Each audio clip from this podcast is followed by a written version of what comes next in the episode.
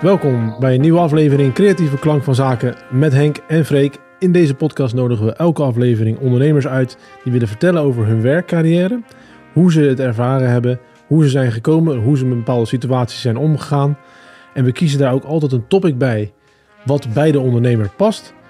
En eh, op die manier proberen we de jonge generatie te inspireren om hun grenzen te verleggen en creatief zaken te doen in de toekomst. Juist. En we hebben als eh, oude lullen niet de illusie dat eh, we je de jonge re- generatie ooit zullen bereiken. Maar de gedachte is er. Yes. En de topic van deze aflevering, het nut van zakelijk samenwerken. En dat doen we samen met onze gasten. En wie hebben we aan tafel zitten, Henk? Nou, ehm, ja, ik vind het, eh, ja, het is, eh, ik, vind, ik vind het wel een beetje spannend. Want we hebben nu wel een, eh, een echte, echte, ja, altijd, die vorige waren natuurlijk ook weg. Maar dit is wel een echte, echte, echte horeca-ondernemer in hart en nieren.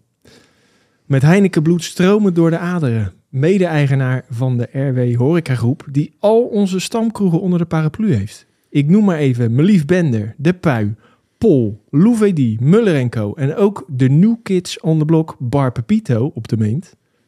En het pasgeboren proeflokaal Huro op Oostplein. Dit jaar afgetreden als voorzitter Horeca Nederland. Waarin hij in de coronatijd de Robin Hood spreekbuis is geweest voor alle horeca-ondernemers in Nederland. Een voicemail had met bellen heeft geen zin. En neus aan neus heeft gestaan met Vert Grapperhaus. Hij heeft het allemaal gedaan. We zijn daarom heel blij dat hij tijd wilde vrijmaken. Het is Robert Willemsen. Ja, Nou, mooie intro, man. Ja, toch? Ja, dat eh, het is wel eh, veel. eh, je hebt wel veel meegemaakt. nou ja, wat is. Jezus, man. Zoveel zaken. die voorzitterschap er nog even bij. Ik vind het wel bewonderenswaardig. Maar wat, wat mijn eerste vraag aan jou is eigenlijk. heb jij school gedaan? En heb je daar spijt van? Ik heb zeker school gedaan. Eh, en ik heb daar geen spijt van. Als ik ergens spijt van heb, is dat ik niet iets langer door ben gegaan. Oh ja? Ja, omdat ik, eh, eh, ik heb eh, school gedaan, een middelbare, toen, eh, eh, eh, hoe heet het, HES gedaan. Ehm, en uiteindelijk heb ik HES niet afgemaakt. Heb ik nog een jaartje leraaropleiding economie gedaan. Maar da- da- daar haakte ik echt een beetje af op de cultuur in het onderwijs. Achteraf vind ik dat jammer. Ehm, en ik ben toen gaan werken. Ik zat toen in de, in de horeca nog. En ik ben uiteindelijk bij Heineken terechtgekomen. En ik heb daar hartstikke mooie carrière gehad. Maar ik kreeg toen al wel te maken met het feit dat dingetjes heel moeilijk waren, omdat ik niet dat diploma afgemaakt had. Terwijl ik wist dat ik beter was dan de anderen. Uiteindelijk heb ik het ook allemaal gedaan. Maar het heeft me wel veel meer energie gekost. En ik heb meer, me meer moeten bewijzen. Terwijl als ik even twee jaar al doorgezet. Maar bedoel je dan tijd. dat, je, dat er iemand bij Heineken was en die had dan waarschijnlijk iets geleerd op school en dat wist jij niet? En Nee, het is meer zo dat op het moment dat je een bepaald carrièrepad in wil.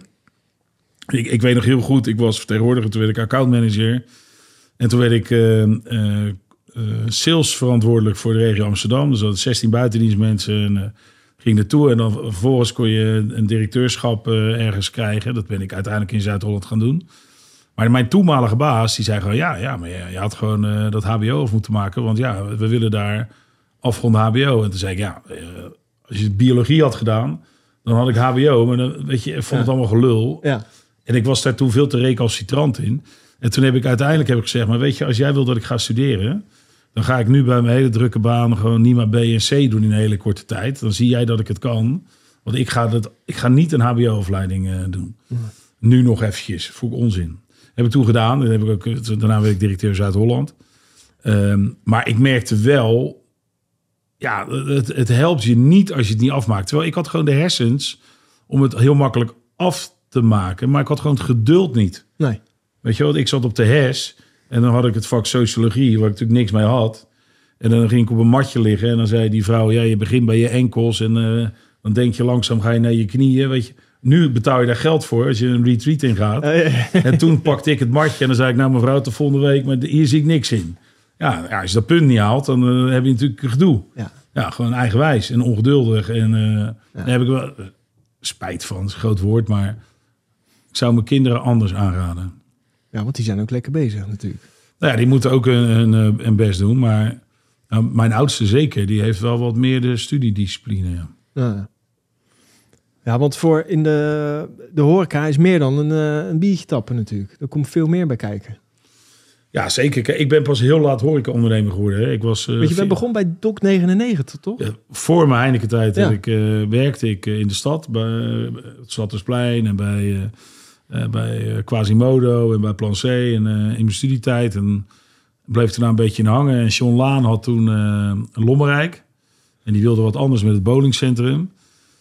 Hebben we het echt, denk ik, ergens 95 of zo. En toen zei hij tegen mij, wil jij niet bedrijfsleider hier worden? En toen zei ik, ja, dat wil ik wel, maar dan moeten we echt wel een andere kant op gaan. En toen zei hij van, nou, wat, wat, wat zou je dan denken? En toen zijn we dat Doc 99 conceptje gaan doen. Hè? Dus dat complete avondje uit. Volgens mij is het nog steeds Steengillen. een van de, van de slagzinnen van het gebeuren. Ehm, met, met bolen, drank. Mensen weten waar ze naartoe, een bedrijf weten waar ze toe gaan. Nou, het is nog steeds een doorslaand succes. Ja. En dat hebben we toen gebouwd. En toen zijn we nog een vestiging in Vlaardingen gaan doen. En eh, het was waanzinnig leuk. John Laan is een hele inspirerende man. En eh, heb ik echt de kans gehad om zeg maar, te ondernemen zonder te ondernemen. Mhm. Ehm, maar ja, toen ergens eind jaren 90 ben ik wel weggegaan naar, eh, naar Heineken. Ja, ja, want je, je voelde dat je daar uitgegroeid was. Dat je dat wel, dat trucje had je gedaan. Nou, het, trucje, het kijk, John? Laan zei terecht van eh, toen ik eh, begon over, eh, bij wijze van spreken, aandelen, zeiden ja, ik heb drie kinderen en, en dat moeten we niet doen. Maar ik wil je wel helpen. Ik ben nog wezen kijken toen naar een eigen zaak. In Rijswijk was dat in de tijd. Er zaten allemaal haken en ogen aan, een monumentaal pand. En de vertegenwoordiger van Heineken in die tijd, of eigenlijk zijn baas, die zei toen tegen mij, joh, heb je geen zin om bij Heineken te komen werken? En toen dacht ik van, nou, dat ga ik doen. Hè, tenminste, als ik aangenomen word. En dan kijk ik een beetje om me heen. En als ik dan wat moois zie, Ja, dan ben ik weer pleiten. ja. Maar ja, dat duurde ze 15 jaar. 15 jaar, joh. Ja, ja. Ja, want die, eh, je hebt er natuurlijk gesolliciteerd bij Heineken. Jij kwam daar binnen en natuurlijk droombaan, denk ik, om bij Heineken te werken. Hoe, hoe, hoe ging die sollicitatie? Ging dat goed? Ja, dat ging best goed. Nee, nee, niet. Want ik, kijk, ik was in eerste instantie een soort van gevraagd van wil je dat doen? Maar je Oh. moet je wel solliciteren. Oké, Dus nou, dan krijg je twee gesprekken. Ja, het was wel voor het... Nou, ik weet niet of het voor het eerst was dat ik een stropdas om deed, maar ik moest wel een pak en een stropdas. En het was wel even ongemakkelijk solliciteren. Dat is natuurlijk spannend. En- Maar die gesprekken gingen goed. En ja, uiteindelijk ben ik eh, vrij snel aangenomen daar om eh, de opleiding in te gaan. Hmm. En dat is, je, je hebt een Heineken opleiding. Ja, toen de tijd was dat nog drie maanden, 13 eh, weken. Ook samen te vatten in 13 kilo. Want het is ook buiten alles wat je leert. Wordt ook gekeken of je niet in je onderbroek gaat staan als je 20 bier op hebt. dus het was eh, iedere week wel eh, twee avonden doorhalen. Alles erop en eraan. Maar geweldig, geweldige tijd. Een speciale brigade noemden ze dat. Die ben ik, ja, later ben ik die nog zelf gaan begeleiden. Toen ik in dienst was van Heineken, toen heb ik nog veel groepen met jonge vertegenwoordigers gehad. Voor mij bestaat het nu niet meer. Doen ze, doen ze alles digitaal en hebben ze dat niet meer. Ja. Ehm, maar dat was wel een superleuke tijd. Wat zag jij, zat je aan de Zaagmolenkade daar of niet? Nee, dat was toen net dicht. Eh, in, eh, dat is in eh 97 volgens mij gesloten. Ja. En toen hadden ze een groot pand met logistiek erbij op eh Varezeweg Oh in eh Spaanspolder. Dus daar heb ik altijd gezeten. Oh, ja. Althans, toen ik in Rotterdam werkte. Ja, ja. Ja, ik was laatst op die Zaagmolenkade. Dat is nu ook een verzamel... Krooswijk Single, ja. Krooswijk Single. Naast Jan Bik. Ehm, eh, ik weet niet waarom ik dat weet. Maar die, eh, dat zijn nu kantoorgebouwen. Of eh, Ja. verhuur, ple- flexplekken dingen. Ja, ze hebben daar flexplekken. Ze hebben daar een stuk een soort museum slash vergaderzalen waar ze rondleidingen doen. Ja. En ze zijn nu met de hele ontwikkeling bezig van die eerste verdieping in dat souterrain. Ja. Om daar horeca in te gaan maken. Maar er wordt eerst een stuk aan het pand aangebouwd nog. Oké. Ja. Ik, vond, wel- ik heb een beetje geschiedenis doorgegeven van het personeel van vroeger van Heineken. Hoe die onderhouden werden. eh, die hele familie helemaal in check. Hè. Je, je hoefde je nergens zorgen over te maken. Je had de hele dag door, mocht je pils drinken tijdens werk. Toch? Nee, dat, eh, kijk, Dus altijd pils ik drinken. kwam al in een andere tijd. Maar eh, ik heb het ook in de jaren daarna nog zien veranderen. Maar ja, ik weet nog, toen ik kwam, zaten voorkeftruckchauffeurs met een, een treetje blik... eh achter op dat ding. Ja, En op een gegeven moment kwamen daar natuurlijk allerlei Arbo-voorwaarden en Zonde. was er gedoe. Ja, zonde, ja. maar wel beter, want eh, eh, ja, vroeger werd er wel veel gedronken bij Heineken. Maar werd, toen jij daar eh, begon met werken, werd er toen ook naar je papiertje gevraagd? Werd dat, was dat vanaf moment één iets wat achter je aangegaan is in die carrière bij Heineken? Nou, in eerste instantie voor de baan die ik ging doen, hè, want ik werd eigenlijk ehm, eh, vertegenwoordiger in, in een gedeelte van Rotterdam. Daar was dat nog niet zo. Je moest een assessment doen. Dat haalde ik, eh, durf ik te zeggen, met vlag en wimpel. En dat was goed genoeg. Maar op het moment dat je dan uit de organisatie of uit de sales, de salesorganisatie horeca staat ook nog een beetje apart van retail, marketing, eh, Europees, wereldwijd. eh, Dus dan moet je wel iets andere dingen doen. Ehm, ja, en dan moet je gewoon net even harder werken dan anderen ehm, om, om wat verder te komen. En ik denk dat er heel veel mensen met misschien wel dezelfde kwaliteit als ik het niet eh, gehaald hebben, omdat ze verloren van iemand met papiertjes. En ik heb toevallig, los van hard werken, ehm, te maken gehad met de juiste mensen die het wel zagen om mij die kans te gunnen. En als je op een gegeven moment die ladder op aan het klimmen bent, ja, dan wordt het papiertje wel minder relevant. Ja, maar het is inderdaad in de eerste instanties. Het is natuurlijk, heeft ermee te maken ook, denk ik vaak, als ik daaraan denk, dat degene die jou die kans moet geven, die wil zichzelf indekken. En dan kan die altijd terugvallen. Ja, maar hij heeft dit papiertje wel en daarom was hij goed voor die plek. En als je iemand neerzet die dit papiertje niet heeft, is het veel meer dat hij er ook op kan worden afgerekend. Ja, plus dat je toen natuurlijk ook al, of ook al in die tijd, ik denk dat het nu anders wordt. Ik denk dat we de komende tijd, als je je handen kan gebruiken, dat je, dat je meer waardering krijgt. Maar toen de tijd werden die selecties steeds strenger, want er was aanbod in overvloed van mensen. Eh, en als je dan HBO kan vragen, ja, waarom zou je dan genoegen nemen met MBO? Weet je, dus die grenzen voor banen werden steeds hoger gelegd. Eh, en dat heeft ook een nadeel. Eh, want voordat ik kwam bij Heineken, had je mensen die waren 40 jaar vertegenwoordiger. Ja. Maar iemand die zijn. HBO afgerond heeft, ja, die komt binnen als vertegenwoordiger. En na een half jaar zit hij op de site te kijken. Wat kan ik verder doen? Dus de, de continuïteit in de buitendienst werd ook anders. Hè, dus ik denk ook dat voor die buitendienstfunctie HBO denkniveau belangrijker is met MBO praktijk dan een eh, HBO eh, Ja. Maar goed, ik, ben nooit, ik heb het nooit tot de HR-manager geschopt, dus eh, dat, daar mag ik niet over beslissen. Hey, maar en dan eh, koop jij vervolgens je favoriete kroeg. Dat vind ik wel een verhaal. Ja, Hoe kan dat? Sta je dan in mijn liefbende en zeg je, denk je, fuck it. Nee, het is ik, eh, het. zoals volgt. Ik was eh eh, baasje Amsterdam, eh, horeca dan. En ehm, eh, en een half jaar ongeveer. Ik merkte dat de organisatie een klein beetje ging veranderen.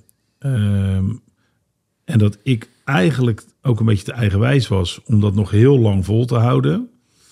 Dus ik kon wel naar het buitenland bijvoorbeeld. Of, eh, maar ik heb toen eigenlijk in, en ik ga het moment nooit vergeten, op 25 juni eh, was ik in gesprek omdat ik iets anders aangeboden kreeg. Voor het eerst die dag. En een dag later heb ik mijn baan opgezegd per 1 januari. Zo dan. En toen zeiden ze bij Heineken ook van ja, wat, wat ga je doen? Dan heb je iets. Ik zei, ik heb echt helemaal niks. Ik had geen idee.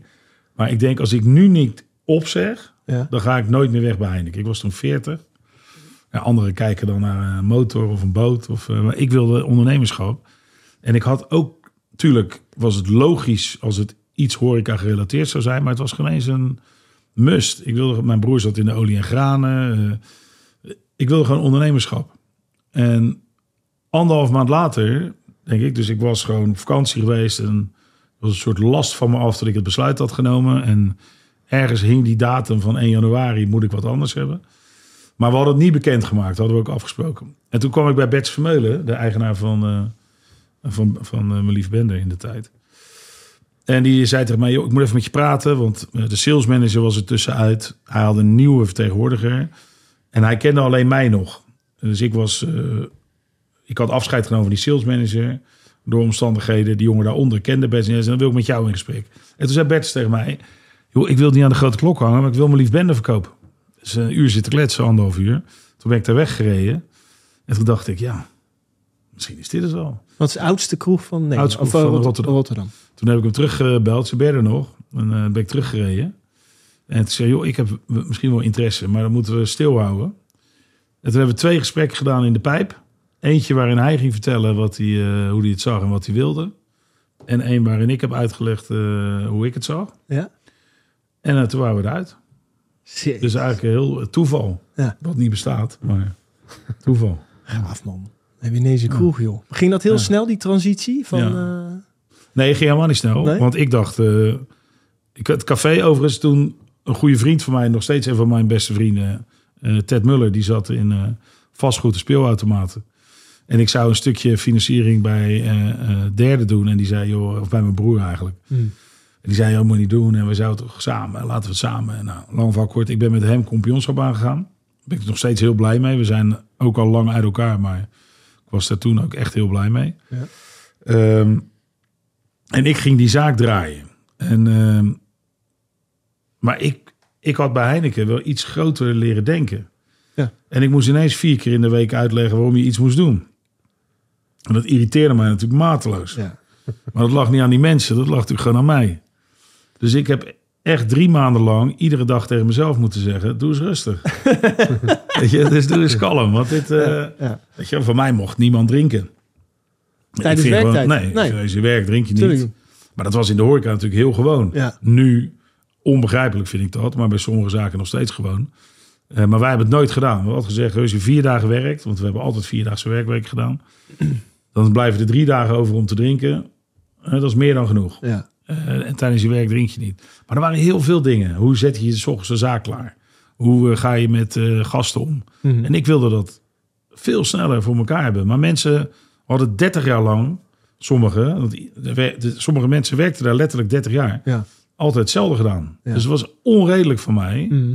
dat ik dat natuurlijk snel anders wilde. Ja. Dus na een paar maanden kreeg ik pas het geduld dat ik dacht: oké, ik moet eerst uit gaan leggen waarom ik dat wil. En niet zoals bij Heineken directief naar links, naar rechts, vooruit, achteruit. Ja, je, Werkt je verziekt ook de werksfeer natuurlijk. Als je, nou ja, ik, ik voorzie vooral de sfeer voor mezelf. Kijk, Ja. dat die werksferen, maar ik vond het vooral voor mezelf vervelend. Ja. Ik raakte er heel gefrustreerd van. Ja.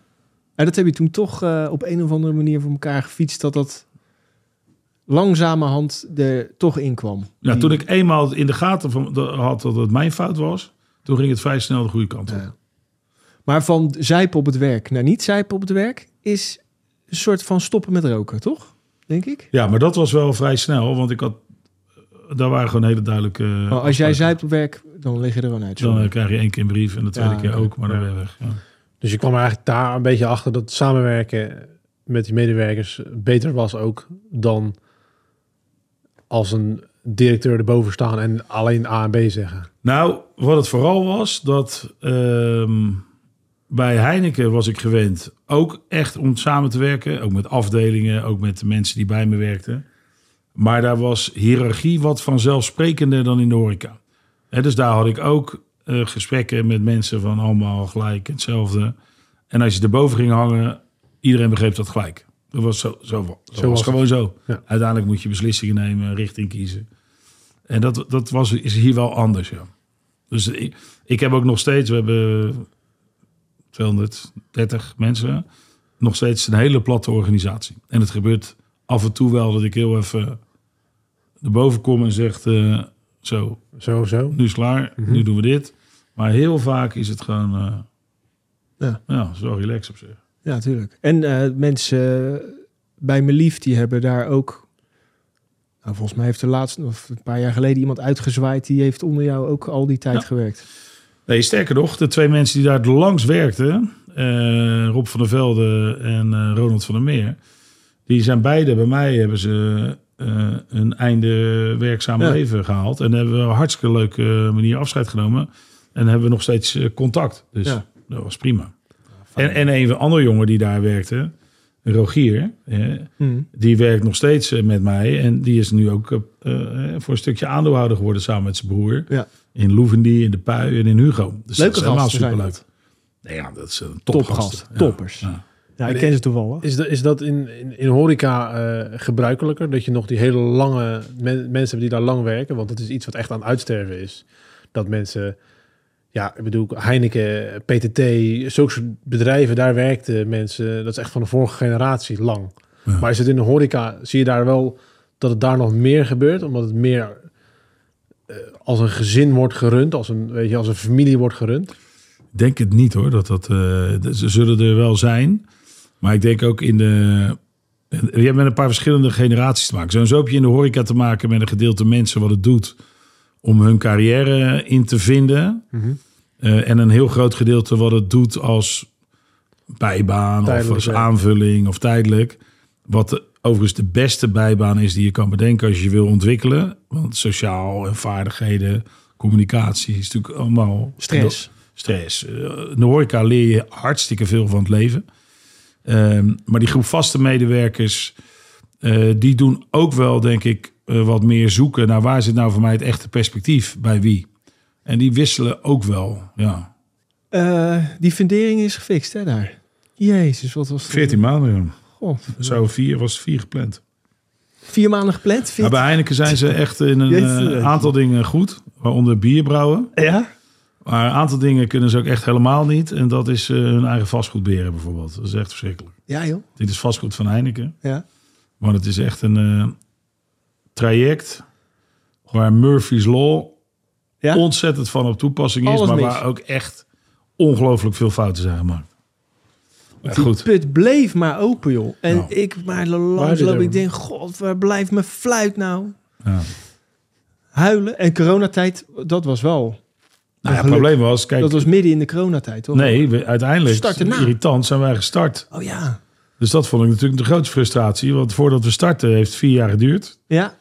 Dus tijdens corona, niemand wist hoe lang corona zou duren. Hè, maar hadden we ook bij wijze van spreken dingen kunnen doen. Maar het moment dat we open mochten, gingen ze daar beginnen. Ja. Ehm, en 14 maanden in plaats van vier. Ja, daar was ik helemaal doodziek van. Nou ja, we zullen het daar maar niet over hebben, anders dan... eh, Nou ja, het is gebeurd. Hè, dus het is ook niet zo dat ik... er, Maar eh, wa- wil je even complimenten over de renovatie? De tering, sorry voor mijn taalgebruik. Maar wat is dat goed gedaan, zeg? Want Ja. het is die, als je daar binnen... Ben je, ben je wel eens geweest, mijn lief Bender? De oude binnenweg? Ja, misschien een keer, maar niet... eh, Tegenover Sijf. Dat is Ah, ja. zeg maar echt een... Je hebt er van die nisjes en je kon daar gezellig zitten. Het was echt bruin. Leuke foto's aan de muur. Het voelde gewoon... Als je daar die klapdeuren doorkomt, dat voelt gewoon... Baf! Ik ben ik, thuis, weet je wel. Mhm. Echt lekker, goed personeel. Je hoeft niet eens te kijken of je hebt al een pils voor je, voor je hier staan. En dat moesten ze dus eh, renoveren door een fundering. En ik denk, ik kwam naar binnen na de renovatie. En ik denk, nou ja, het zal wel helemaal verziekt zijn. Ik loop, poef, loop die klapdeuren door. Gewoon gelijk weer hetzelfde gevoel.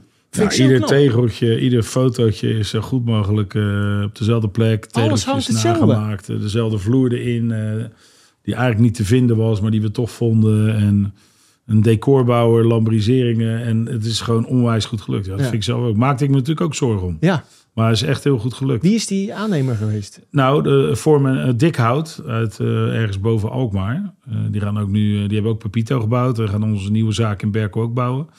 Dat, die heeft dat heel goed gedaan. Ja. En Joyce, mijn eh, vrouw en eh, het creatieve brein van de groep. Ja. Die heeft daar ook eh, fantastische dingen in betekend. Ja. Ja, Die heeft het allemaal eh, moeten begeleiden. ja. Wat een nachtmerrie moet dat zijn geweest. ja dat vindt zij fantastisch. Ja.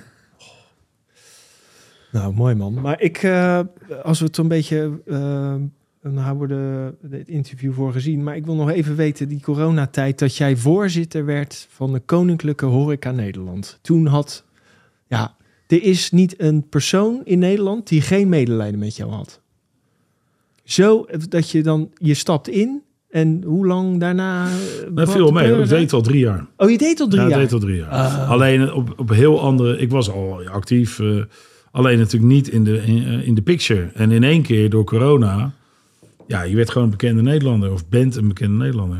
Ja, en dat is... eh, Word je nog wel zo herkend op straat? ja, heel vaak. En dat is echt wel vervelend Ja. ook. Omdat... Nou, vervelend, dat klinkt ook weer zo. Maar de, niet iedereen was het altijd met me eens ook. Hmm. En we hebben daar ook wel een beetje last van gehad. Weet je, mensen die lelijk deden via socials tegen de kinderen. Of als we ergens Oh ja, joh. dan waren. eh, of, ik heb daar zelf niet zo'n last van, maar dat is voor je omgeving wel vervelend.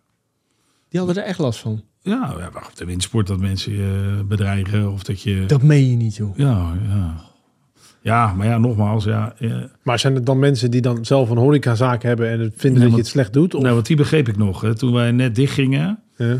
En dan kreeg ik veel... eh, en die mensen schamen zich dan ook niet in de zin dat ze ook gewoon zeggen wie ze zijn. En, dus ik reed ook het hele land rond. Want als je eenmaal naar mensen toe gaat...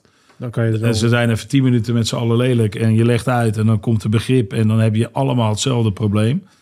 Eh, dus die, die ondernemers, die boosheid, die kon ik vaak wel begrijpen. Maar wij hadden bijvoorbeeld, toen wij eh, met het corona-toegangsbewijsakkoord gingen, dus eh, die testen, dat was de enige manier om voor ons om open te gaan, anders hield de overheid ons dicht. Ja, vanuit die wappiehoek eh, heel veel.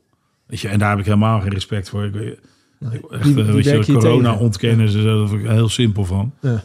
Ehm, maar, en die, maar die doen ook echt eh, lelijk. En eh, ja, dat is gewoon vervelend. Ja, Terwijl jij je, je helemaal de schompens werkt. ja, ja. Ja. Ja, en het is natuurlijk altijd zo dat je één lelijke onthoud je langer dan tien positieve. Ja, dat is Dus dat blijft altijd een beetje hangen. Nou ja, maar nogmaals, ik had het zelf, eh, laat ik het van me afglijden. eh, maar mensen om je heen, eh, verve- als ik op tv was bijvoorbeeld, dan zei ik ook tegen Joyce, ga nou niet daarna op Twitter kijken of, eh, weet je wel, Laat het even links. Laat het gaan. Ja, wat doet ze natuurlijk iedere keer als je op tv bent of eh, op Twitter kijken? Ja, dat zijn niet, eh, weet je, dan krijg je niet allemaal complimenten. Nee. Nee, dus ja, ja Maar- het, het beste is gewoon om het niet te lezen, ja. En Maar vond je wel dat je, dat je je punt kon maken? Dat je de ruimte kreeg van die programma's waar je in was en dat je je punt kon maken? Of vond je dat je te veel gekneed werd in, één secondetje om maar een snippet te zeggen? Nou, het ligt heel erg aan programma. Kijk, soms zat ik bij, ik noem maar wat, WNL, s ochtends. En dan moet je om vijf uur zet je in de auto eh, voor dat programma. En dan had je ieder blok, want dan heb je zes blok van een half uur. Kan je een klein beetje je punt maken. Maar daaromheen word je ook geacht over andere dingen je mening te geven. Dus ook het grootste konijn uit Engeland. Ja. Eh, dat je echt Robert, dacht, wat ja, vind je daar wat, nou vind je daar nou van? Dat je echt dacht, ja, wat... eh. Maar ja, dan deed je dat, want er kijken veel mensen naar. Of je zat bij eh, Bo en Jinek, ehm, wat overigens hartstikke leuk is en toffe gasten zijn, ook rondom de uitzending. Maar dan, daar, maken, daar keken heel veel mensen naar en dan moest je soms heel kort... En dan vond ik het ook wel eens dat ik wel wat populistische standpunten moest maken. Want we wilden gewoon onze achterban wat laten weten. Of juist de tegenstand, hè? want de politiek kijkt er ook naar. Kijk, ik heb ook een aantal keer bij Sven Kokkelman één op één gehad. Eh, een half uur lang op de radio met een van de beste journalisten van Nederland. En daar kon ik echt wel mijn verhaal maken. Moest ik wel scherp zijn en, en opletten. Maar dat vond ik wel fantastisch. Eh, en in, eh, ja, we hebben ook wel goede stukken gehad. eh, groot in kranten. Of een op één. Daar kon je. Maar ja, je zat ook wel eens bij wat commerciëlere programma's. Of bij eh, 538 's middags eventjes. Of ja, Maar je kon wel je, je, je punt maken. zeg maar. ja, je kon wel je eh, punt maken. Alleen, ehm, het is ook wel zo... Je moet ook wel heel goed opletten hoe je dingen zegt. Want het kan ook als net even een onderdeel van wat je zegt... ergens, eh, zeg maar, eh, iets op kan leveren voor discussie Juist. Dan wordt dat dan vindt men dat ook mooi. Dus ik heb wel, ik heb nooit eh, mensen mij laten influisteren of mijn teksten laten schrijven. Dat heb ik nooit gevo- Dat ik altijd zelf doen en uit mijn, mijn hart vandaan. Maar ik ben wel heel snel gaan schakelen in hoe ik dingen bracht en waar ik mijn zin mee begon en eindigde. Zodat het lastig was voor ze om te knippen, bijvoorbeeld als het niet live was. En ik deed ook sowieso het liefst live. Dus ik deed het liefst Radio 1 's ochtends of BNR. eh, wat je gewoon live deed. Ja. Ja, want je, je, je, je- je zegt dan een zin en dan pakken ze het eerste stukje eruit en daar schrijven ze dan wat omheen om je woorden een beetje een, een twist te geven, om een soort clickbait te... Ja, maar ook natuurlijk als je iets opneemt wat niet live is. Ja, Eh, als ik natuurlijk nu een onwijs leuk verhaal vertel over mijn ex-vrouw. Maar ik maak daar sarcastisch ook een zinnetje in over waarom we uit elkaar zijn gegaan. Maar jij knipt alleen dat zinnetje Ja. eruit. tuurlijk. Ja, dan we- hebben we natuurlijk een pak ellende. Dat gaan we sowieso doen. Dat gaan we sowieso doen. ja. Nee, maar dat is natuurlijk waar je wel mee moest opletten. Ja. Dus ik deed liefst gewoon live. eh, Maar afgezien eh, van die coronatijd, dat was natuurlijk eh, heftig. Die Vert Grapperhuis, wil je daarover hebben? Want jij stond neus aan neus met hem. nou ja, hij was een van de. eh, Wie- eh, wat was van hij de- nou? Hij was minister van Justitie en Veiligheid. Ja, En we hadden. Kijk, dat is een beetje het probleem van de horeca. je hebt niet een de- departement. Horeca is groter dan landbouw en visserij. Waar je een minister voor hebt en een staatssecretaris. En, eh, maar voor horeca, toerisme zit bij justitie en veiligheid. In de coronatijd zaten we bij eh, volksgezondheid. Je zit logischerwijs bij economie. We hebben met sociale zaken te maken, want er zijn 400.000 mensen aan het werk. En al die departementen heb je wat mee van doen. Maar justitie en veiligheid en VWS in coronatijd waren onze belangrijkste gesprekspartners. En Rutte van Algemene Zaken. Ehm, en met Grappenhaus eh, hebben wij wel echt heel veel gesprekken gehad. En ook heel veel strijd. Ehm, maar ja, ook wel heel veel respect, denk ik, wederzijds voor.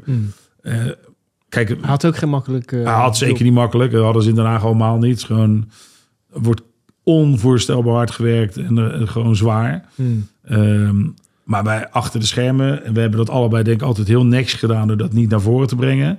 Maar wij hebben wel letterlijk gewoon echt zo gestaan. Van, en, weet je, dat. Moet je dan? Ja, ja. Dus, eh, maar dat is ook wel mooi, weet je. Tuurlijk. En daarna hadden jullie toch ook bijgelegd? Nee, we hebben ook gewoon ge- zat. Weet je toen hij stopte, eh, hebben we ook nog eh appverkeer gehad. En eh, ehm, ja, dat, ik heb met sommige bewindslieden nog steeds contact. En, en toen de tijd had ik met politici heel veel eh, contact. En het gaat ook gewoon een beetje om respect. Weet je, ik, heb, ik heb niks met de ideeën van. Ik vind overigens dat ik ben heel erg voorstander van dat iedereen zijn eigen politieke keuze maakt.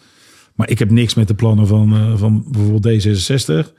Maar als ik gisteren Rob Jetten zie en ik zie hem de afgelopen weken, heb ik wel app-contact met hem over het feit dat ik vind dat hij het fantastisch doet. En weet je wel, hoe Ja. hij het vertrouwen en de jongeren belichaamt. En nou ja, dat is lekker. Dat zijn mooie contacten die je dan Ja. Dat is gewoon Top. respect. Terwijl ik zijn ideeën heb ik niet zoveel mee. Nee.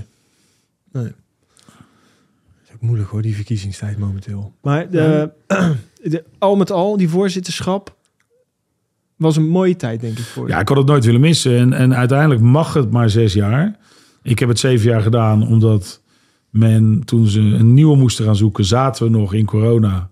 En men had zoiets, ja, we gaan hier nooit iemand voor vinden, want eh, wie gaat zich nu aanmelden, weet je? Ja, maar wie is ook zo goed? Nou ja, die was zijn wel- er zat natuurlijk. Er Nou zijn ja, zat mensen die dit kunnen. Weet ik niet. Ja, dat, dat weet ik natuurlijk. Er zijn mensen die dat kunnen. Ik heb geen gekke dingen gedaan. Ik ben gewoon mezelf gebleven. Ehm, en dus, bedoel, ja, maar ze zijn er. Want degene die er nu zit, is ook een, een hele goeie. Een dame, hè? Een dame. Ehm, en past ook in dit tijdperk. hoor, Want iedere tijdperk heeft zijn eigen voorzitter nodig. Hm. Eh, dus dat is hartstikke goed. Maar toen heb ik gezegd van oké, dan wil ik nog één jaar verlengen. Dat was overigens wel mijn zwaarste jaar. Realiseerde ik me achteraf. Omdat ik toch op de een of andere manier toegeleefd had naar het kunnen stoppen. En dat heb ik uiteindelijk een jaar verlengd. En ik vond het steeds moeilijker worden om nieuwe dingen op te pakken. Dat was gewoon dat. Ik heb het allemaal gedaan. Maar het kostte me steeds meer energie. Ja. Dus ik was echt wel blij 7 maart eh, dat ik kon stoppen. En eh, ik merkte de impact ook wel eh, de maanden daarna. Dat ik toch veel moeier was dan ik dacht. Ja, ja. En een beetje op je reserve ben je... Nou, je was gewoon op adrenaline Ja. wie je een paar jaar geleefd. En die, eh, voorstellen. die, die komt een keer terug natuurlijk. Ook wel mooi om weer mee te maken. Ja. En als je nou, eh, om het hoofdstuk daarvan af te sluiten, als je nadenkt over de corona en over de steun en alles, zie jij daar nog die boemerang terugkomen naar de ondernemers? Verwacht jij voor de komende tijd dat horeca-ondernemers daar nog problemen mee gaan hebben? Ja, daar kan ik een heel lang verhaal over afsteken. Ik ga het proberen heel kort eh, uit te leggen. Kijk, ik zat ook in Europees eh, overleg van eh horecabonden. Wij hebben in Nederland de allerbeste pakketten gehad van Europa. Eh, dus daar mogen we trots op zijn en mogen de regering dankbaar voor zijn. Wat oneerlijk is geweest, en dat blijft, vind ik op de dag van vandaag nog steeds. ehm, die NOW-regeling, dus die compensatie van eh, lonen. Daar werd de loonheffing uitgehaald. Die moeten mensen nu terugbetalen. Dus in ons geval betaal je loonheffingen over niet verrichte arbeid. Dat was eigenlijk iets toen wij nog tijdelijke WW kenden. En je had mensen in de WW gezet. Dan had de overheid die 70% betaald. Die betaalden ze nu via ons. Maar dan was die 30% nooit meer betaald. En die, moest, die moeten wij nu betalen. Dat had als groot gevolg toen wij uit corona kwamen... dat iedereen in Nederland geld in zijn zak had. Dus de economie ging door. Heeft de overheid fantastisch goed gedaan. Behalve dat ze er niet eerlijk over communiceren. Want ze zeiden altijd, we compenseren 100%. Dat is niet zo. Ze compenseerden 70%. Eh, dat zijn ze pas later in het traject gaan doen. Als niet de Oekraïne-energiecrisis eroverheen was gekomen... was de problematiek minder groot geweest dan dat die nu is. Eh, maar was de problematiek er ook geweest. Omdat, en dat geldt niet voor iedereen... maar een bepaald deel van de branche zat voor corona ook al In, eh, in minder weer. Het is gewoon geen branche van geld graaien. Het is gewoon heel hard werken met relatief laag rendement. En de wereld verandert. En als mensen dan niet mee veranderen door anders te ondernemen of meer gezamenlijk te ondernemen, dan wordt het gewoon hartstikke moeilijk. Nu, en dat is heel spijtig, gaan de hele goede ondernemers die in coronatijd of net voor coronatijd zijn begonnen, die gaan het nu wellicht niet redden door de problematiek uit corona en het ec- economisch klimaat van nu. Dus het zijn misschien een gedeelte verkeerde ondernemers die omvallen. En dat is triest en. Maar dat er een stuk om gaat vallen, ja, dat, dat, ik denk dat, ja, dat, dat gaat gewoon gebeuren. Eh, Die maar de ook overheid, die hebben ook pech natuurlijk. ja, die hebben ook pech. Ja. Ja. maar dat is ook, eh, ja, dat klinkt kloot. Maar ondernemerschap Ja. is soms ook een beetje pech. Op je mail En ik vind dat, eh, dat de overheid een aantal dingen hartstikke goed gedaan heeft in Nederland. En een aantal dingen minder goed. Hè. Ik vind echt dat stukje loonheffingen over niet gedane arbeid. ja, dat voelt voor mij gewoon niet, lekker. eerlijk. Die 4,5, 5 miljard die vanuit onze branche daar is betaald. Of nu betaald moet worden. Was nog wat mij betreft pijn van 17 miljoen Nederlanders. Ja. Eh, nou ja, goed, die ligt nu bij eh, ondernemers. Ehm, dat is wat het is. We moeten ermee handelen. Ja. Maar we, er zijn ook heel veel ondernemers die het hebben overleefd door de steunpakket. En ik ben in Spanje en andere landen geweest waar heel veel deuren permanent dicht zitten. Het straatbeeld heel anders is geworden. Omdat ondernemers gewoon niet geholpen zijn tijdens corona. Dus ik durf best eh, daar, en dat heb ik ook in die tijd gedaan, eh, complimenten op een aantal vlakken te geven aan, aan, aan onze overheid. Ja, Nou, dat is goed. eh, goede insight. zeker. En dat haakt misschien ook een beetje in met wat je deze week bezig heeft eh, gehouden, Robijn. Nou, er zijn eigenlijk twee dingen die mij eh, deze week bezighouden, of de afgelopen weken.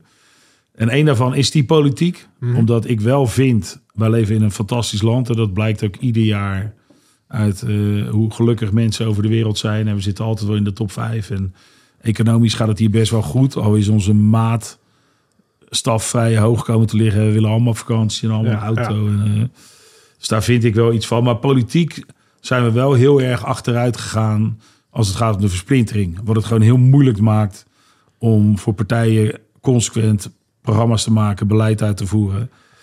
Ik maak me daar wel zorgen om.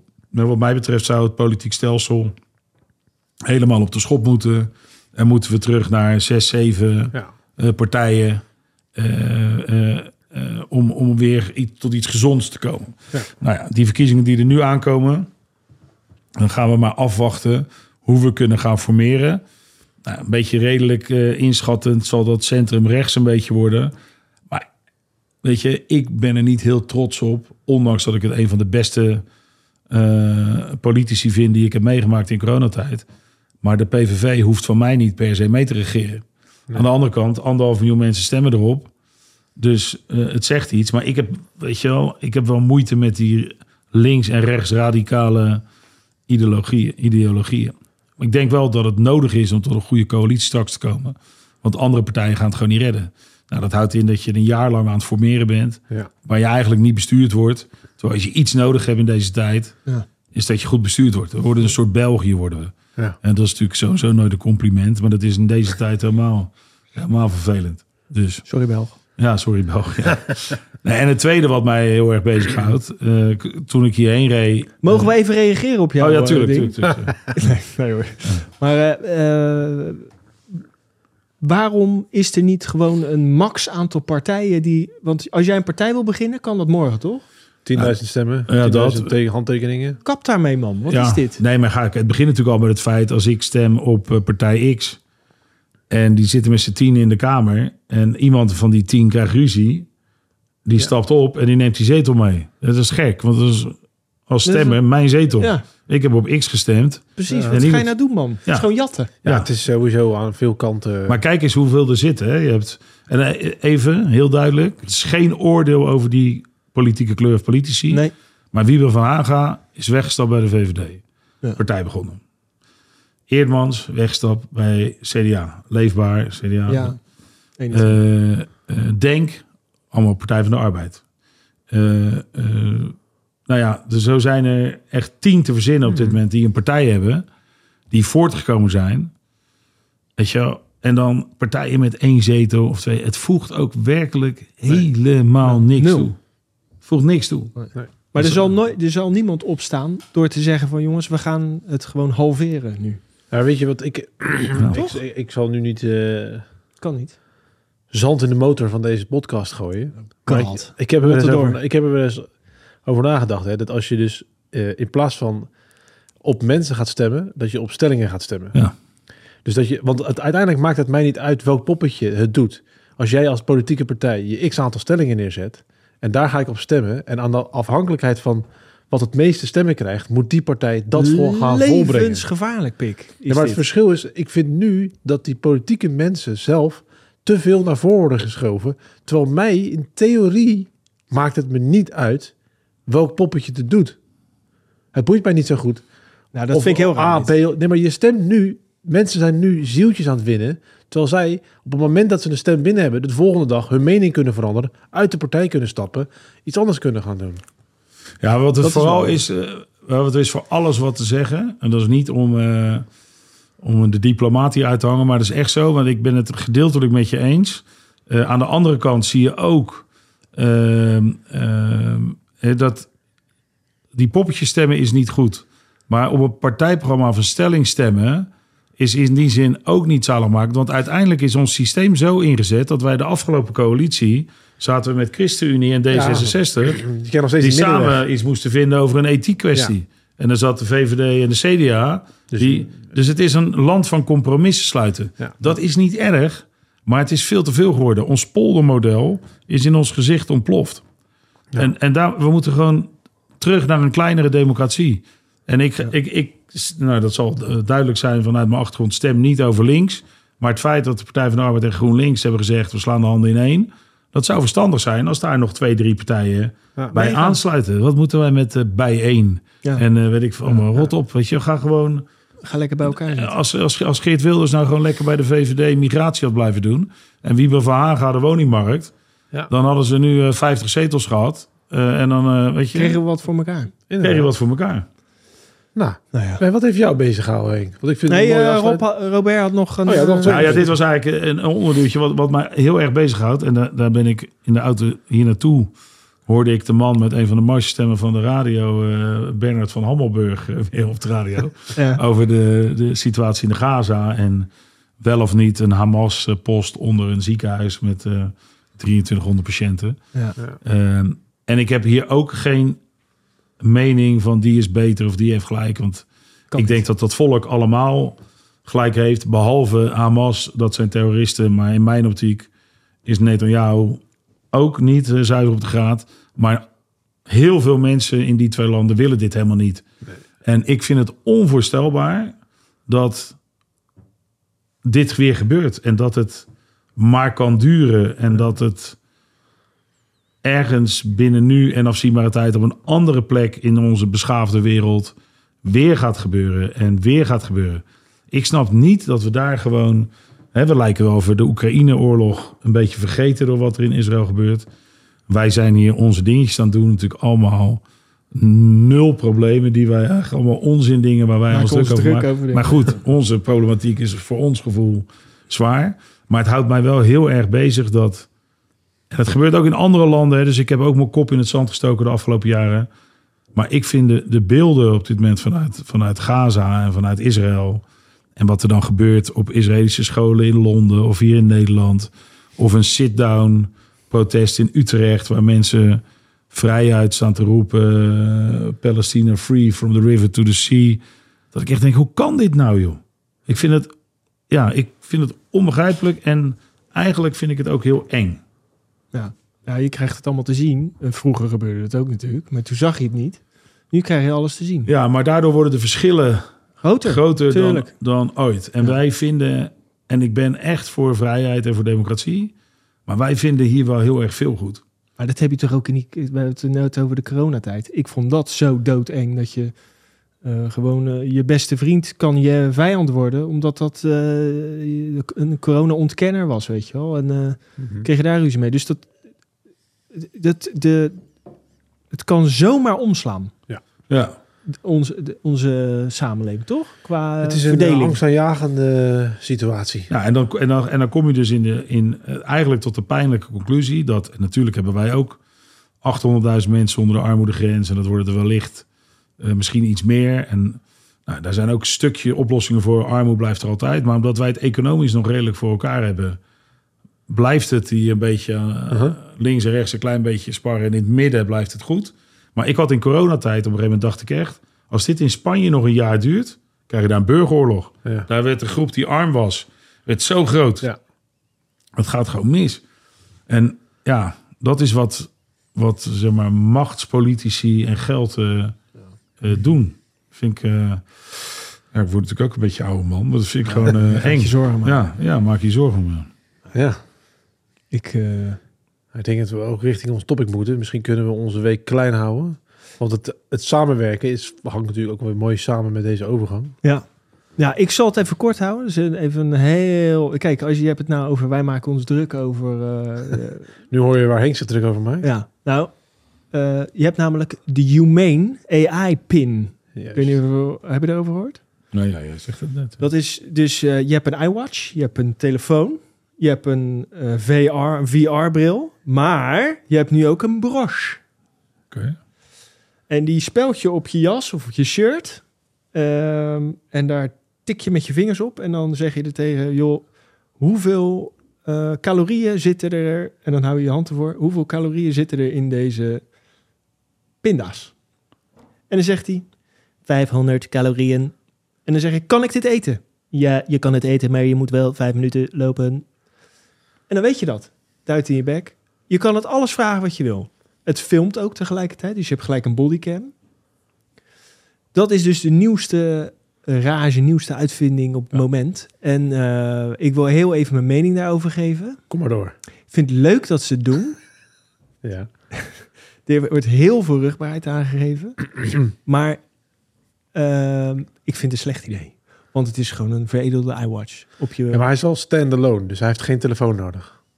Dat is wel het bijzondere eraan. Oh ja, en je koopt hem voor 700. Ja, en dan moet je 24 euro per maand betalen voor het telefoonabonnement, omdat hij heeft natuurlijk continu internet nodig. Ja, je moet, ik, we doen hem in de show notes. Kijk er even naar. Het is echt geweldig hoe het gepresenteerd wordt. Je wordt er echt hebberig van. Maar uiteindelijk is het een broche met een camera die gewoon tegen je lult. Stel, jij zit in mijn lief bender en je hebt zo'n ding hier. En dan kan je ook gewoon, die filmt ook de hele tijd. Of tenminste, dat kan je dan instellen. Dan heb je zo'n rood lampje branden. Dan zit jij dus met iemand in de kroeg en dan staat er de hele camera naar je Ja. Ik wil sowieso niet iets bij me hebben wat mijn calorieën telt. dus dat vind ik sowieso vervelend. En zeker niet dat hij dan ook nog zegt Nee. of ik het wel of niet mag nemen. Nee. Want hoe zit dat dan bij fluit 22? Dan is Ja. het altijd fout. dus dat wordt niks. Dus die broers is niks voor mij. Nee, Nee. voor mij ook niet. Dus dat, eh, dat gaan we niet doen. Nee. Dat was mijn... eh, Ah, nou, mijn punt zou ik ook kort houden. Eh, mijn punt ging over eh, rijbewijs. Ik weet niet hoe vaak jullie over je praktijkrijbewijs hebben gedaan van je auto. Eén keer? drie keer. Drie keer. Nou, mijn moeder, die moet nu allemaal testen doen. Die is 75, dus die moet ogen testen. En het kost allemaal geld. Want dan moet ze daarheen, dan moet ze daarheen. En ze heeft een keertje iets aan de hart gehad. Dus ze moet nu naar de hart- en vaatziekte om dat te laten testen. Terwijl ze gewoon heel goed kan rijden.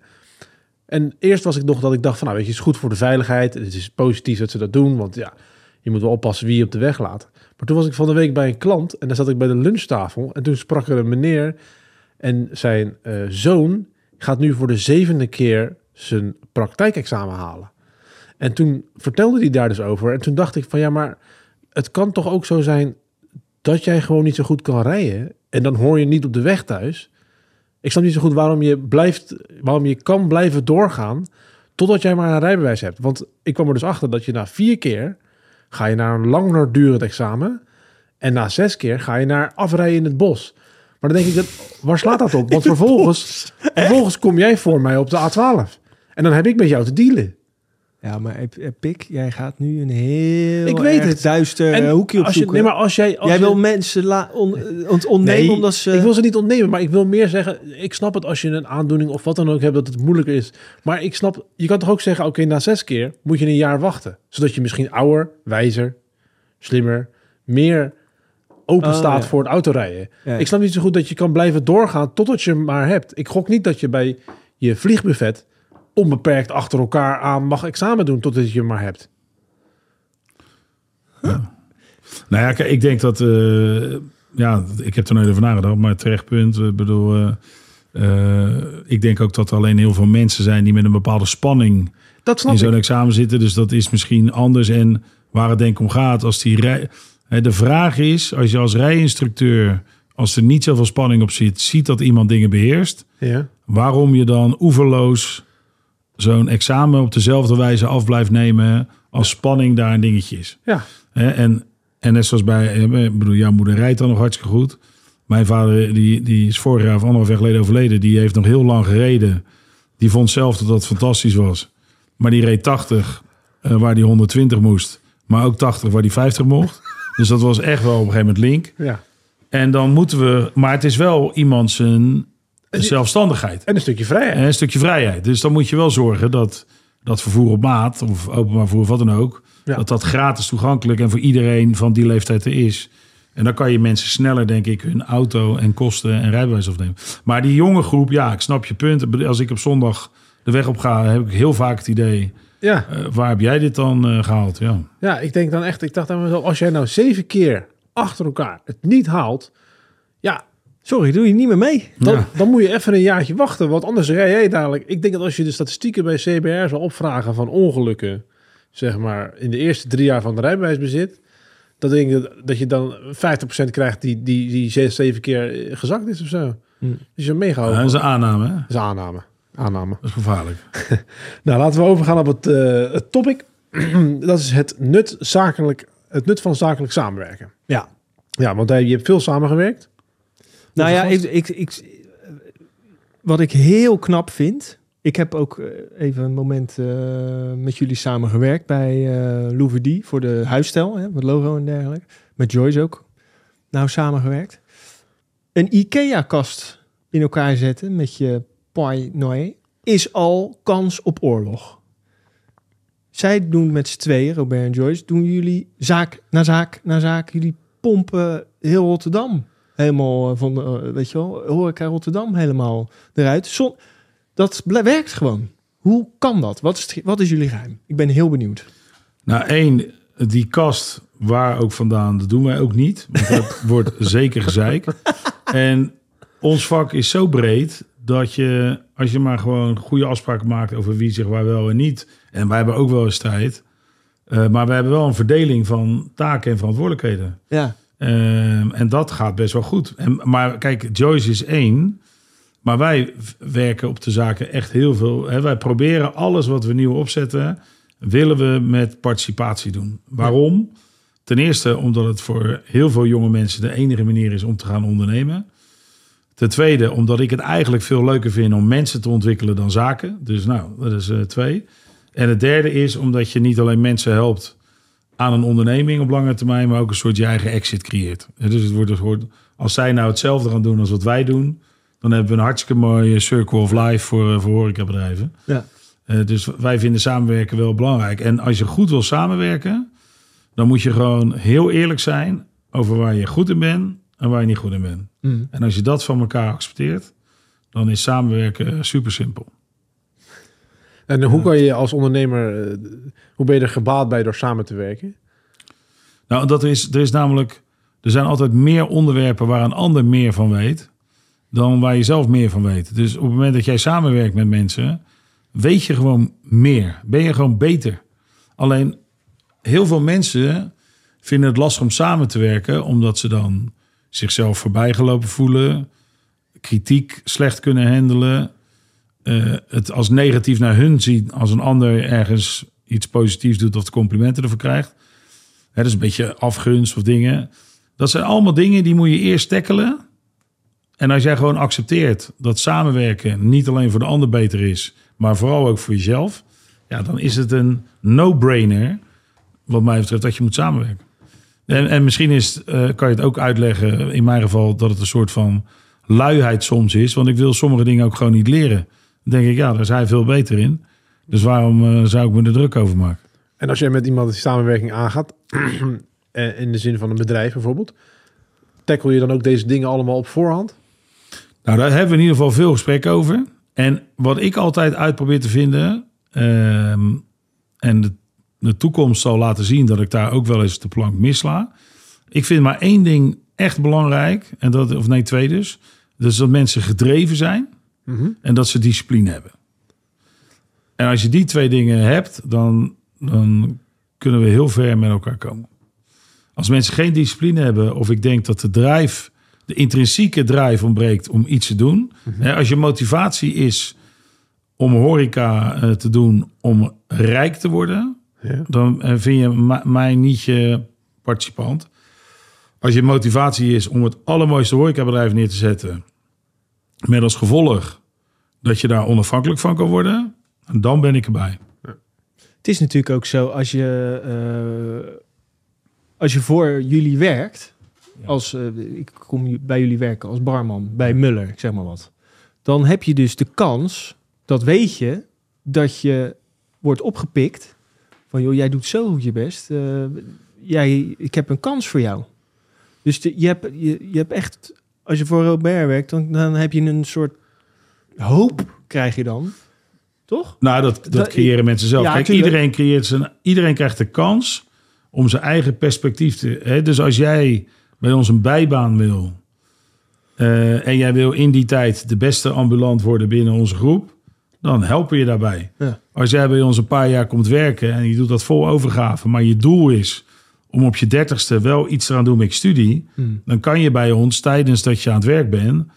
eh, zeg maar loopbaantrajecten doen of dingen doen die bij je, je uiteindelijke doel passen. Als jij ondernemer wil worden, dan moeten we een traject in met elkaar. Maar als we het dan zien zitten, kan dat. Maar als jij Wordt beste- dat aan het begin gevraagd? Nee, dat, dat, Nee? dat, Dat ontwikkelt ontstaat. zich. Ah, ja, dat dat ontstaat. Maar als jij gewoon de beste souschef of zelfstandig werkend kok wil zijn 20 jaar lang, dan vinden wij dat ook prachtig. Weet je, je zeg maar jezelf ontwikkelen wil niet altijd zeggen dat je maar beter of groter moet. Weet je, gewoon de beste worden in wat je doet is ook een fantastische ambitie. Ja, tuurlijk. En dus de Japanse... Kom, komt het dan vaak voor dat jij dat, dat jij dat ziet in iemand ten opzichte van dat diegene dat in zichzelf ziet? Het, ik denk dat het een beetje bij de leeftijdsgroep waar we mee werken. Hè, we hebben toch wel 80% is denk ik wel onder de 30 bij ons. Ehm, dan heb je twee dingen. Soms eh, is het iemand die net even te veel vertrouwen heeft. En dan moet je daar iets mee. Maar meestal ontbreekt het mensen aan bepaald vertrouwen. En doen ze de dingen waar ze zich comfortabel bij voelen. Maar daar word je niet altijd beter van. Dus waar wij mensen bij helpen, is om dingen te gaan doen om beter te worden waar je je niet comfortabel bij voelt. Want dat is uiteindelijk wat het is. Hè? Dus het, tuurlijk wil je waar je goed in bent, moet je doorontwikkelen. Maar sommige dingen waar je niet goed in bent, moet je wel proberen te ontwikkelen. Of in ieder geval zeker weten dat je er niks mee wil. Ja. Dus wij wij zijn echt wel bezig met, ja, met ook de pijnpuntjes bij mensen. En die herken je dan zelf vaker? Of merk je veel dat mensen dat zelf aangeven van dit kan ik niet? Nou, dat kwetsbaar opstellen vinden, vinden mensen lastig. Dus we moeten mensen wel, hè, dat doen we niet alleen zelf. Hè, we hebben ook de mogelijkheid bij ons dat mensen met externe coach eh, aan de gang gaan. Daar komt wel heel veel naar boven. Dus soms ontdek je het, soms komen mensen er zelf mee. Soms zien mensen dingen bij zichzelf die wij niet zien zitten. Of soms zien wij dingen bij mensen die dat niet zien zitten. Dus het is niet altijd dat we. Hè, mensen gaan ook wel eens weg. Of mensen zeggen ook wel eens, nou, daar heb ik geen zin in. Eh, maar het is een beetje een mix van alles. Ja. Ja, wat is, ehm, ik heb eh, heel stiekem heb ik een van jouw, ehm, ja, hoe noem je dat? Collega's gebeld. En eh, ik vroeg van, joh, eh, kan je iets vertellen over Robert? Spannend. Want eh, Nou, nu komt het hoor. ja, en die wist mij te vertellen dat je eh, toch wel ehm, een zeer prettig persoon bent eh, ge- ge- geweest en nu bent in zijn leven heel belangrijk. En dat je dat echt door, ehm, door jou dat die, die kans heeft gekregen. En toen vroeg ik van, joh, is die dan heel streng en eh, moest je echt eh, zweten? Hij zei, nou, hij is niet streng, maar als jij, eh, je mag één keer wat fout doen, maar die tweede keer, dan ben je, dan ben je wel de lul.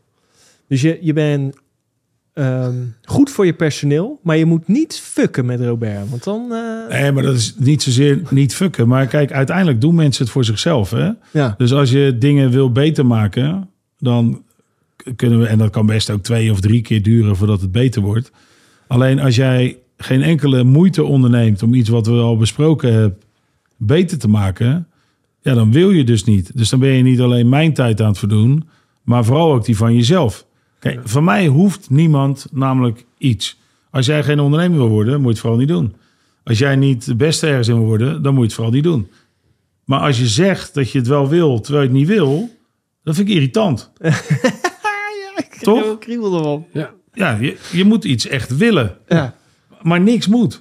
ja, Snap je? ja, ja, ja. Wij hebben recent met iemand, eh, in mijn optiek, iemand met heel veel in zijn mars.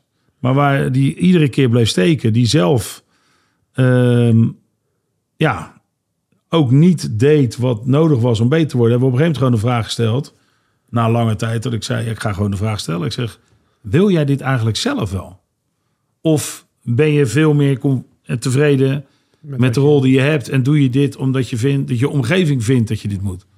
Nou, als dat dan de uitkomst is, dan kan je nog heel lang bij ons werken. Maar dan halen we die druk bij jou weg. Ontstaat er geen ergernis. En als jij dan een keer denkt, ik wil het nu zelf. Ik wil nu zelf echt. Nou ja, dan horen we het wel weer. Want ik denk wel dat je het kan. Maar als je het niet wil, ja, dan kan ik je niet helpen. Nee. Eh, dan nog iets. Ik was bij mijn lief Bender eh, twee weken geleden. En toen zag ik op de sloven staan... eh Sijf feliciteert... Nee, mijn lief Bender feliciteert Sijf met zoveeljarig bestaan. Ja, er stond op cijf is me lief. Sijf is mijn lief. Mooi. Vind ik mooi verzonnen. Eh, dat is ook samenwerken. Want Herman Hel, dat is eh, eh, een... Jullie zijn twee horeca-ticonen, toch? Zo zeg je dat toch? En jullie moeten ook met, met elkaar door één deur, neem ik aan. Werken jullie ook veel samen? Of werken jullie naast elkaar? Ja, naast elkaar denk ik. En, en dat geldt voor Ronde Jong, maar dat geldt ook voor mensen die één bedrijf hebben. Of Herman vind ik, ik heb heel veel waardering voor wat Herman doet. Ik vind zo'n project als Grace of Salmhuis, vind ik echt prachtig dat je dat durft. Dat zijn Zo. hele grote risico's. Eh, en een cijf is dan weer, vind ik, gewoon een heel mooie zaak. Eh, En, we, en die jongens hebben ook onder elkaar, hè, van Melief en Cijf, die drinken na het werk een biertje met elkaar. Die lullen met elkaar, die helpen Ja, als er ijs nodig is, of een katje cola, of een vervelende klant. Of, eh, echt leuk. ja, en als dan iets te vieren is, in dit geval zij 25 jaar. Ja, weet je, dan probeer je iets te doen. En toen kwamen we nu op het idee van, nou, we doen Cijf is mijn lief. Daar lopen we een week lang in. We maken een toffe foto. Die moeten zij in de zaak hangen. Ze krijgen een schort waar het op staat. Ja, dat is ook leuk, weet je wel. Ja. Cijf heeft ook wel eens opgehangen toen wij een koffieprijs wonnen. We feliciteren, ons, weet je wel. Het is een beetje... Wisselwerking. Ja, het is een beetje wisselwerking. Ja. En we zijn hartstikke oké met elkaar. Maar het is niet zo dat eh, Herman en ik elkaar eh, wekelijks bellen. Om, want we zijn wel hele andere mensen. Ja. Eh, ik kom misschien meer in de buurt bij eh, Ron de Jong qua denken. Mhm. Dan bij Herman of bij Giel. Maar ik vind het wel fantastische ondernemers. Ja, ja het, het is natuurlijk die... Het is meer uitgaan ook, toch? Echt... eh, Nou ja, Cijf en Verzanten. En hij heeft zaken in Wilmstad. Dat zijn natuurlijk echt wel ook gewoon zaken. Ik vind Verzanten en Cijf vind ik... Kom ik, zou ik zelf ook, ja. Als ik niet zelf van die geweldige cafés heb, zou ik daar natuurlijk Tuurlijk. zou ik daar ook vaak komen. Ja. Want ik hou van bruin. Ja. Ja. Eh, maar ik kan ook genieten als ik in Grace zit en ik zie hoe dat gebouwd is en ik zie wat daar gebeurt. Zo, mooi ook. hoor. Ja, dat vind ik zo knap dat hij dat doet. Dat vind ik eh, heel goed. Ik zat dat terras bij Grace en toen snapte ik ineens waarom hij het eh, zag zitten. Tering, wat een groot terras is dat. Ja. Maar wat is... eh, sorry. En als, je, als we kijken over de risico's van het samenwerken met mensen, wat zijn dan de risico's die je hebt ervaren en waar je anders over na zou denken? Nou ja, kijk, één ding wat, je, wat altijd kan gebeuren eh, en wat je in ieder geval ook... Ik ben er niet mee bezig, maar als, ik, als het gebeurt ben ik er ook niet heel verdrietig over. Kijk, mensen kunnen je vertrouwen beschamen. Mhm. Maar voor mij het geven van vertrouwen is de enige manier om iets met 100% energie te doen. En dan gebeurt het af en toe dat mensen je vertrouwen beschamen, in welke vorm dan ook. En dan kan ik wel heel rationeel ook snel afscheid nemen. Ehm, maar dat is wel een teleurstelling die je in mijn manier van ondernemen Uh-huh. kan, ja, die maak je wel mee. Wij ondernemen met mensen en we werken met mensen op basis van echt vertrouwen. Daardoor duren sommige resultaten ook wel eens wat langer, omdat ik wil dat mensen het dragen en dat ze het zelf doen. Dus dan neem je genoegen met het feit dat je iets minder rendeert of dat dingen langer duren. Maar uiteindelijk moet het dan wel gebeuren. Eh, en soms wordt dat vertrouwen beschaamd. Ja, dat is ja, waardeloos. ja. Ja, maar vertrouwen is denk ik ook wel misschien wel een van de belangrijkste elementen van een samenwerking. Ja, dat is het allerbelangrijkste, want vertrouwen moet je niet, dat moet je niet alleen in die ander hebben, maar ook in jezelf. En op het moment dat je je heel wantrouwend opstelt, of altijd met in je achterhoofd dit zou kunnen gebeuren, dat zou kunnen gebeuren. Ja, er is een spreekwoord dat zegt, zoals de waard is, vertrouwt zijn gasten. Dat is ook een beetje zo. Weet je, ik wil altijd heel open en eerlijk en direct zijn. Ehm, ja, en ook vertrouwen geven hoort daar dan ook bij, vind ik. En han- hanteer je die werkwijze bij elke samenwerking? Dat je open, eerlijk en direct bent? Of hanteer je bij sommige samenwerkingen een andere methode? Nee, ik, ik hanteer eigenlijk wel altijd dezelfde manier. Eh, en ik, zeg maar, loyaliteit is er ook een. Dus ik heb met al mijn leveranciers doe ik al heel lang zaken. Maar ik heb met niemand een getekende overeenkomst. Nee joh? Nee, ik ga me niet verbinden aan iets voor vijf jaar. Ehm, ik wil gewoon de vrijheid houden om keuzes te maken als er een keer iets is. Ehm, Betaal je dan niet meer? soms. Maar dat, dat, Soms, maar ik denk dat de ander misschien ook wel maximaal loyaal blijft op het moment dat dat twee kanten op zo gaat. Ik heb, ik heb echt bijna al mijn leveranciers vanaf dag één. Ja joh, En bijzonder. overal deals, goede deals naar tevredenheid. Heb jij voor al je zaken dezelfde leverancier? Ja, ja. Ja?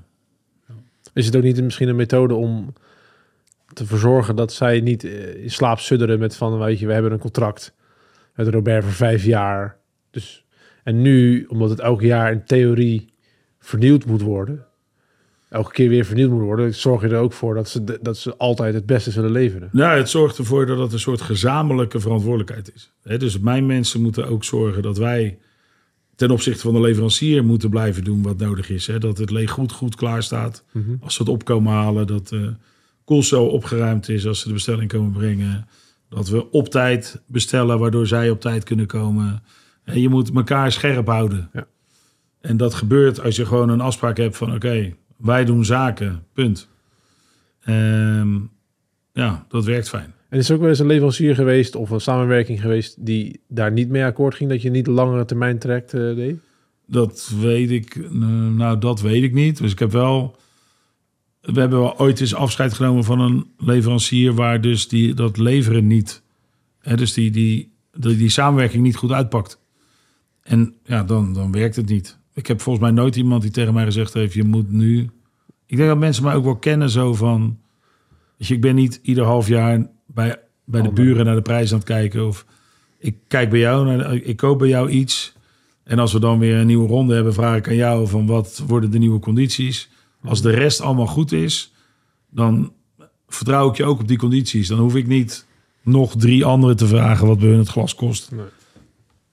Alleen ik zou het heel vervelend vinden op zo'n moment als ik er dan achter kom dat ik eh, in de maling genomen word omdat we niet goede prijs met elkaar hebben. Ja.